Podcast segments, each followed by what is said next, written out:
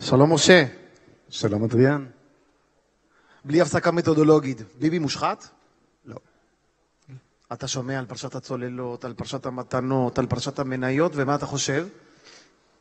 אני מכיר את האיש, מושחת הוא לא, הוא נהנתן, אה, הוא לא כוס התה שלי, סגנון החיים שלו, אבל מוש... לא מכיר אותו כאיש מושחת, זאת האמת. יש לי איתו מחלוקת קשה מאוד במספר נושאים, אני חושב שיש בעיה קשה מאוד עם האסטרטגיה שלו, אבל אה, מושחת הוא לא. הוא לא מושחת. אה, אתה, בוא נקרא לך אולטרה ימני או אולטרה ליברלי במובן הכלכלי, שזה אומר שבניגוד לביבי ולכחלון, שהפחיתו מיסים, אבל הקפיצו, הקפיצו הוצאה, אתה בא מאוד בכנות ואומר, אני רוצה להוריד מיסים, אבל גם להוריד הוצאה. עד, עד עכשיו אני מדייק? בהחלט כן. ולכן אני שואל, אז אתה רוצה פחות בריאות, פחות חינוך, פחות קצבאות נכים, פחות קצבאות ילדים, או אתה רוצה חינוך פרטי, בריאות פרטית? אם אפשר, דיברת על החינוך למשל. כן. ההוצאה הלאומית לחינוך היא מעל, ההוצאה, לא, ההוצאה, לא תקציב החינוך, אלא ההוצאה הלאומית לחינוך. כלומר, גם תקציב משרד החינוך וגם אה, ההוצאות לחינוך דרך הרשויות המקומיות וגם קצת אה, תוספת של ההוצאה הפרטית, מגיע קרוב ל-110 מיליארד שקל בשנה. זה עשרות מיליארדים יותר מתקציב הביטחון, הוצאה אדירה. זה יותר משלושת אלפים שקל לתלמיד לחודש. עכשיו אני שואל אותך, אדריאן, האם, זאת אומרת, בכיתה של 30 תלמידים זה 90 אלף שקל כביכול הוצאה על כיתה. זה מה שמדינת ישראל מוצאים, זה מה שבאמת מגיע לחינוך? לא מתקרב לזה, נכון? אז למה? אז, אז, אז, אז אני, לא, אני לא רוצה להפחית את תקציב החינוך, אבל אני רוצה שהרוב יגיע לחינוך, יגיע לתלמידים. כי היום הלקוח של מערכת החינוך בישראל הוא לא התלמיד, הוא גם לא המורה. אמרה לי הבוקר מורה לאנגלית, אומרת לי, והיא אומרת, את אומרת לי, אתה יודע כמה אני מרוויחה בסוף, בסוף היום? היא אומרת לי, 4,000 שקל. בתקציב כזה מטורף. עכשיו, תאר לעצמך שמתוך השלושת אלפים שקל הללו, שני שליש, אפילו פחות, נגיד סדר גודל של 2,000 שקל, מגיעים אל ההורים בצורה של שובר, לא כסף, שובר חינוך, שהם יכולים לממש בכל בית ספר שיחפצו או להקים כזה, בלי אזורי רישום, בלי כלום. אז, אלפ... אז, אז 20 תלמידים, לא 30, כפול 2,000 שקל, זה כבר יש לי תקציב של 40 אלף שקל לכיתה, בתקציב הקיים. משכורות הייטק למורים, בתקציב הקיים. לאיפה כל הכסף הזה הולך היום?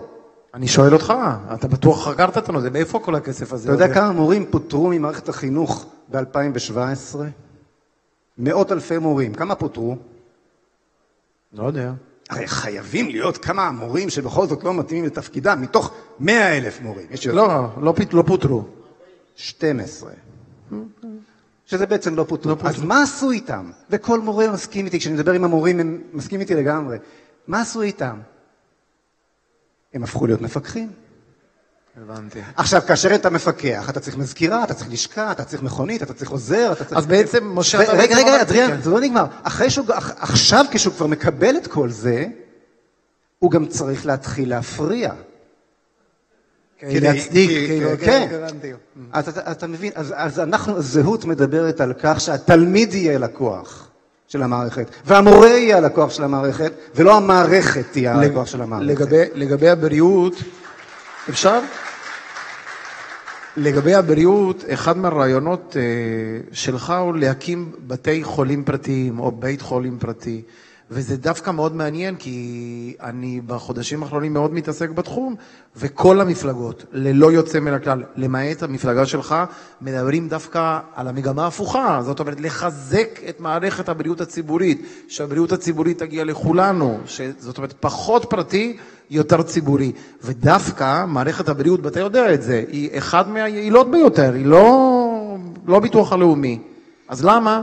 תראה, אנחנו לא מדברים על uh, סגירת uh, מערכת הבריאות הציבורית, אנחנו מדברים, בוודאי מדברים על כך שסף השירות שמקבל היום האזרח הישראלי יישמר, רצפת ה... יישמר כרצפה, אבל להכניס יותר ויותר אלמנטים של תחרות לתוך המערכת. למה שלא תאפשר לאנשים להקים בית חולים פרטי עם חדר מיון? למה לא? למי, ש... למי שרוצה את הדבר הזה. כי, אני אתן לך דוגמה. כי, כי עשיר יוכל לקבל שירות יותר טוב, ואני לא אקבל את השירות. אוקיי, okay, אז שלכולם יהיה רע. שמע, אני אתן לך דוגמה. לא, זה מות... אוקיי, בואו בוא, בוא נסביר משהו, אנחנו בעיתון כלכלי. אה, אה, חברים, מפלגת זהות לא רוצה שוויון, מפלגת. זהות רוצה שפע. זה מה שאנחנו רוצים, אנחנו רוצים הרבה יותר בריאות. וכן, יהיו כאלה שיהיה להם עוד יותר. ואני אתן לך דוגמה, מה קורה היום במחלקות היולדות? מדהים, נכון? נראה כמו בית מלון. מה קרה? למה, למה מחלקת היולדות נראית כמו בית מלון ופנימית ד' הזקנה עדיין במסדרון? כי במחלקת היולדות יש תחרות. היא מרוויחה יותר כסף. ש... היא מרוויחה, בדיוק, יש את אלמנט התחרות על שובר הלידה, אפרופו חינוך, שובר הלידה שמקבל, שהיולדת באה איתו אל כל בית חולים שהיא רוצה, אז תכניס את האלמנטים של תחרות ואתה תראה בתקציב הקיים, כולם מקבלים פתאום שירות בפנימית ד' כמו שמקבלים במחלקת היולדות. תשמע, אני לוקח אותך עוד קצת קדימה. אתה מדבר על קיצוץ בתקציב. גם בתקציב הביטחון, אפרופו, אני מניח שאתה מתומכי כיבוש עזה עכשיו. אה, אדריאן, עזוב אותי כרגע מכן כיבוש, לא כיבוש, אנחנו מדברים כלכלה. אה, אני אומר לך, כמי שנלחם בשחיתות... אגב, כיבוש עזה זה מהלך מאוד יקר, אני רוצה לספר לך. אתה יודע, הדברים האלו עולים כסף, תשאל את הרמטכ"לים. אתה דיבר, אתה רוצה שאני אדבר איתך עכשיו על תקציב הביטחון או על עזה? תחליט, מה שאתה רוצה. אני רוצה גם וגם. אז בוא, אז תן לי, יאללה, בבקשה. אני לא בורח מהשאלות. מטותא, אתה תקבע את הסרט. בסדר. תראה, בכנסת התשע עשרה אה, נלחמתי קשה נגד חברת שראל, מי שזוכר, בכל נושא הלגליזציה. מצאתי ביצות שחיתות מטורפות בתוך מערכת הבריאות, נלחמתי בהן, איימו עליי, וזה הוקלט וזה שודר בערוץ השני, שאני לא אהיה בכנסת כתוצאה מהמלחמה הזו, וכנראה זו אחת הסיבות שאני אכן לא בכנסת. עכשיו אני חוזר עם מפלגה שלמה להמשיך את אותה מלחמה שאותה התחלתי, ואני אומר לך שבמשרד הביטחון יש שחיתות גדולה עוד יותר. ויש מרבצי שומנים ופרוטקציות ושחיתות במשרד הביטחון, בעיקר סביב כל נושא, מה שמכונה הסיוע האמריקאי, שחבל על הזמן. ואני אומר לך עוד משהו, אפשר לקצץ עמוקות, או אני אגיד את זה אחרת, קיצוץ אמיתי בתקציב הביטחון יעלה את רמת הביטחון, לא יוריד את רמת הביטחון. אוקיי? אז זה דבר ראשון. כן, יש הרבה מאוד מה לקצץ בביטחון. לגבי עזה, אני הודעתי חד משמעית, אני מתנגד לכניסה קרקעית לעזה. אמרתי, בזה, אמרתי את זה בצוק איתן, במהלך מבצע צוק איתן, בתוך, כותלי ועדת חוץ וביטחון, שהייתי חבר בה, ואני אומר את זה עכשיו. אם אין כוונה להכריע את החמאס, לנצח ולא רק לעשות עוד סבב, לגלגל מכל המדרגות של ההיסטוריה. אל פח האשפה של ההיסטוריה את הסכמי אוסלו ולהחזיר את המצב שהיה לפני אוסלו, שהיה פי אלף יותר טוב מהיום, אסור להיכנס. אבל לא כולם אומרים לא שחייבים לא להיכנס, לא אחרת אי אפשר להכריע אותם. כולם אומרים חייבים להיכנס, אחרת אי אפשר להכריע אותם. איך אתה רוצה להכריע אותם? דרך הפגזות? חביבי, חביבי, אני התנגדתי לאוסלו. אני הקמתי את תנועת זו ארצנו ושכבתי על הכבישים כדי לעצור את אוסלו. אבל לא עכשיו אתה, אתה עכשיו אתה הבאת את זה, תאכל את זה. חביבי, מה, שישנה, מה שנשאר לך כרגע זה לשלם בקשיש לחמאס? בוא נגיד את האמת, בלי כל הברבורים.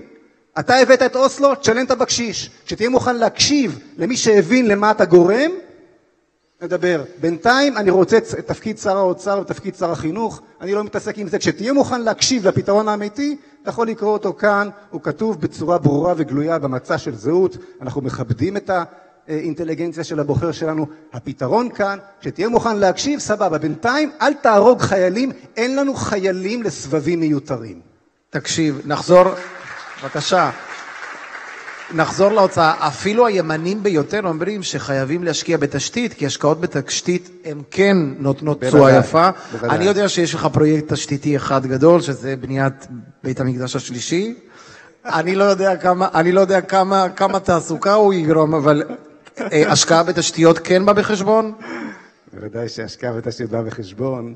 בית המקדש השלישי לא ייבחר דרך הפוליטיקה. אוקיי. בית המשפט השלישי ייבנה לא דרך הפוליטיקה, אלא דרך... לא, יש לנו BOT עם אליהו הנביא. אלא דרך החלום המשותף, שכולנו נתחיל בעזרת השם ביום מן הימים לחלום, וזה לא קשור לפוליטיקה. הבנתי. מה עם תשתיות? איזה תשתיות? אה, כן להשקיע בתשתיות אז? אין ספק שבאמת, בין הדברים הבודדים שמדינה כן אחראית להם, מלבד ביטחון פנים, ביטחון חוץ ומשפט, זה תשתיות לאומיות, שאותן אי אפשר להעביר לשוק הפרטי, ורק את אלה שבאמת אי אפשר להעביר לשוק הפרטי, וזה בראש ובראשונה אה, אה, סוג מסוים של כבישים, תשתיות חשמל, דברים מסוג זה, פארקים לאומיים וכדומה.